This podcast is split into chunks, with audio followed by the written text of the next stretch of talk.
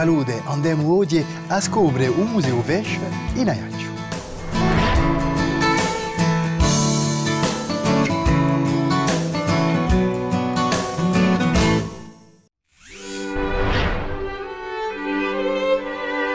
Il Palazzo Vesce, composto da un museo, a biblioteca municipale e a cappella imperiale, è stato edificato sotto l'autorità di un cardinale Joseph Fesce, zio di Napoleone I.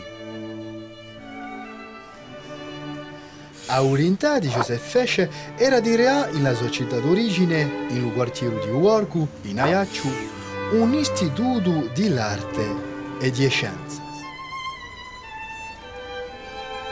Principiano i lavori di edificazione in 1828 per compiersi in 1852, assai dopo la morte di un cardinale. Fesce, appassionato d'arte, acquistò durante tutta la sua vita parecchie pitture. Si parla di più di 16.000 opere, a spesso d'origine italiana. Ne face dono a un museo da Vene. E così che, da dando, un museo Vesce tiene un'importantissima collezione di pittori italiani.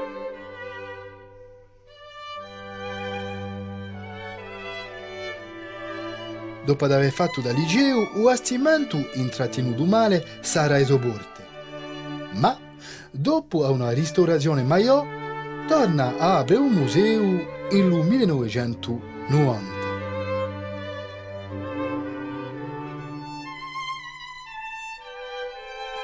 In 2010 sarà classificato Museo delle Arte In evoluzione permanente, il fondo più assegnalato è quello di primitivi italiani. La precisa che la collezione di primitivi italiani di museo Vesce è forse la più importante di Francia dopo il Louvre in Parigi. Ma che vuole di primitivi? Sono chiamati primitivi i pittori italiani che in XIII, XIV e XV secolo cambiano la sua maniera di dipingere. I pittori introducono modi nuovi di varie pitture. Si tratta di l'umanizzazione di personaggi come qui in dell'opera maestra di Sandro Botticelli a Madonna con bambino.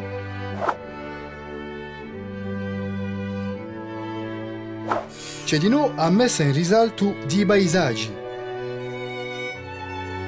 e poi a creazione di prospettiva, come qui in San Francesco di Lorenzo De Credi. Infatti si passa da pittura murale a pittura nanta pannelli di legno. Siamo dalle tecniche di pittura di un medioevo un licone di stile bizantino e andiamo piano piano verso la rinascita.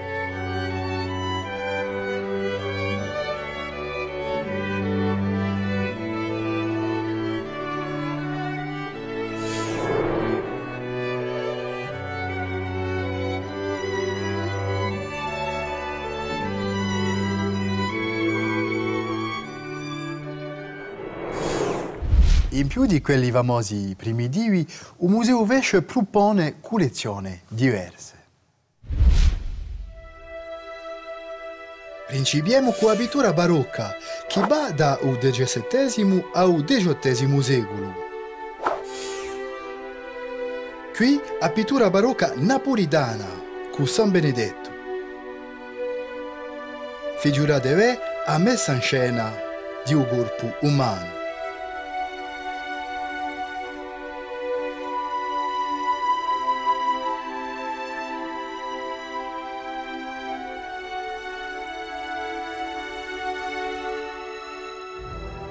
Poi è famose nature morte di a scuola fiammenga.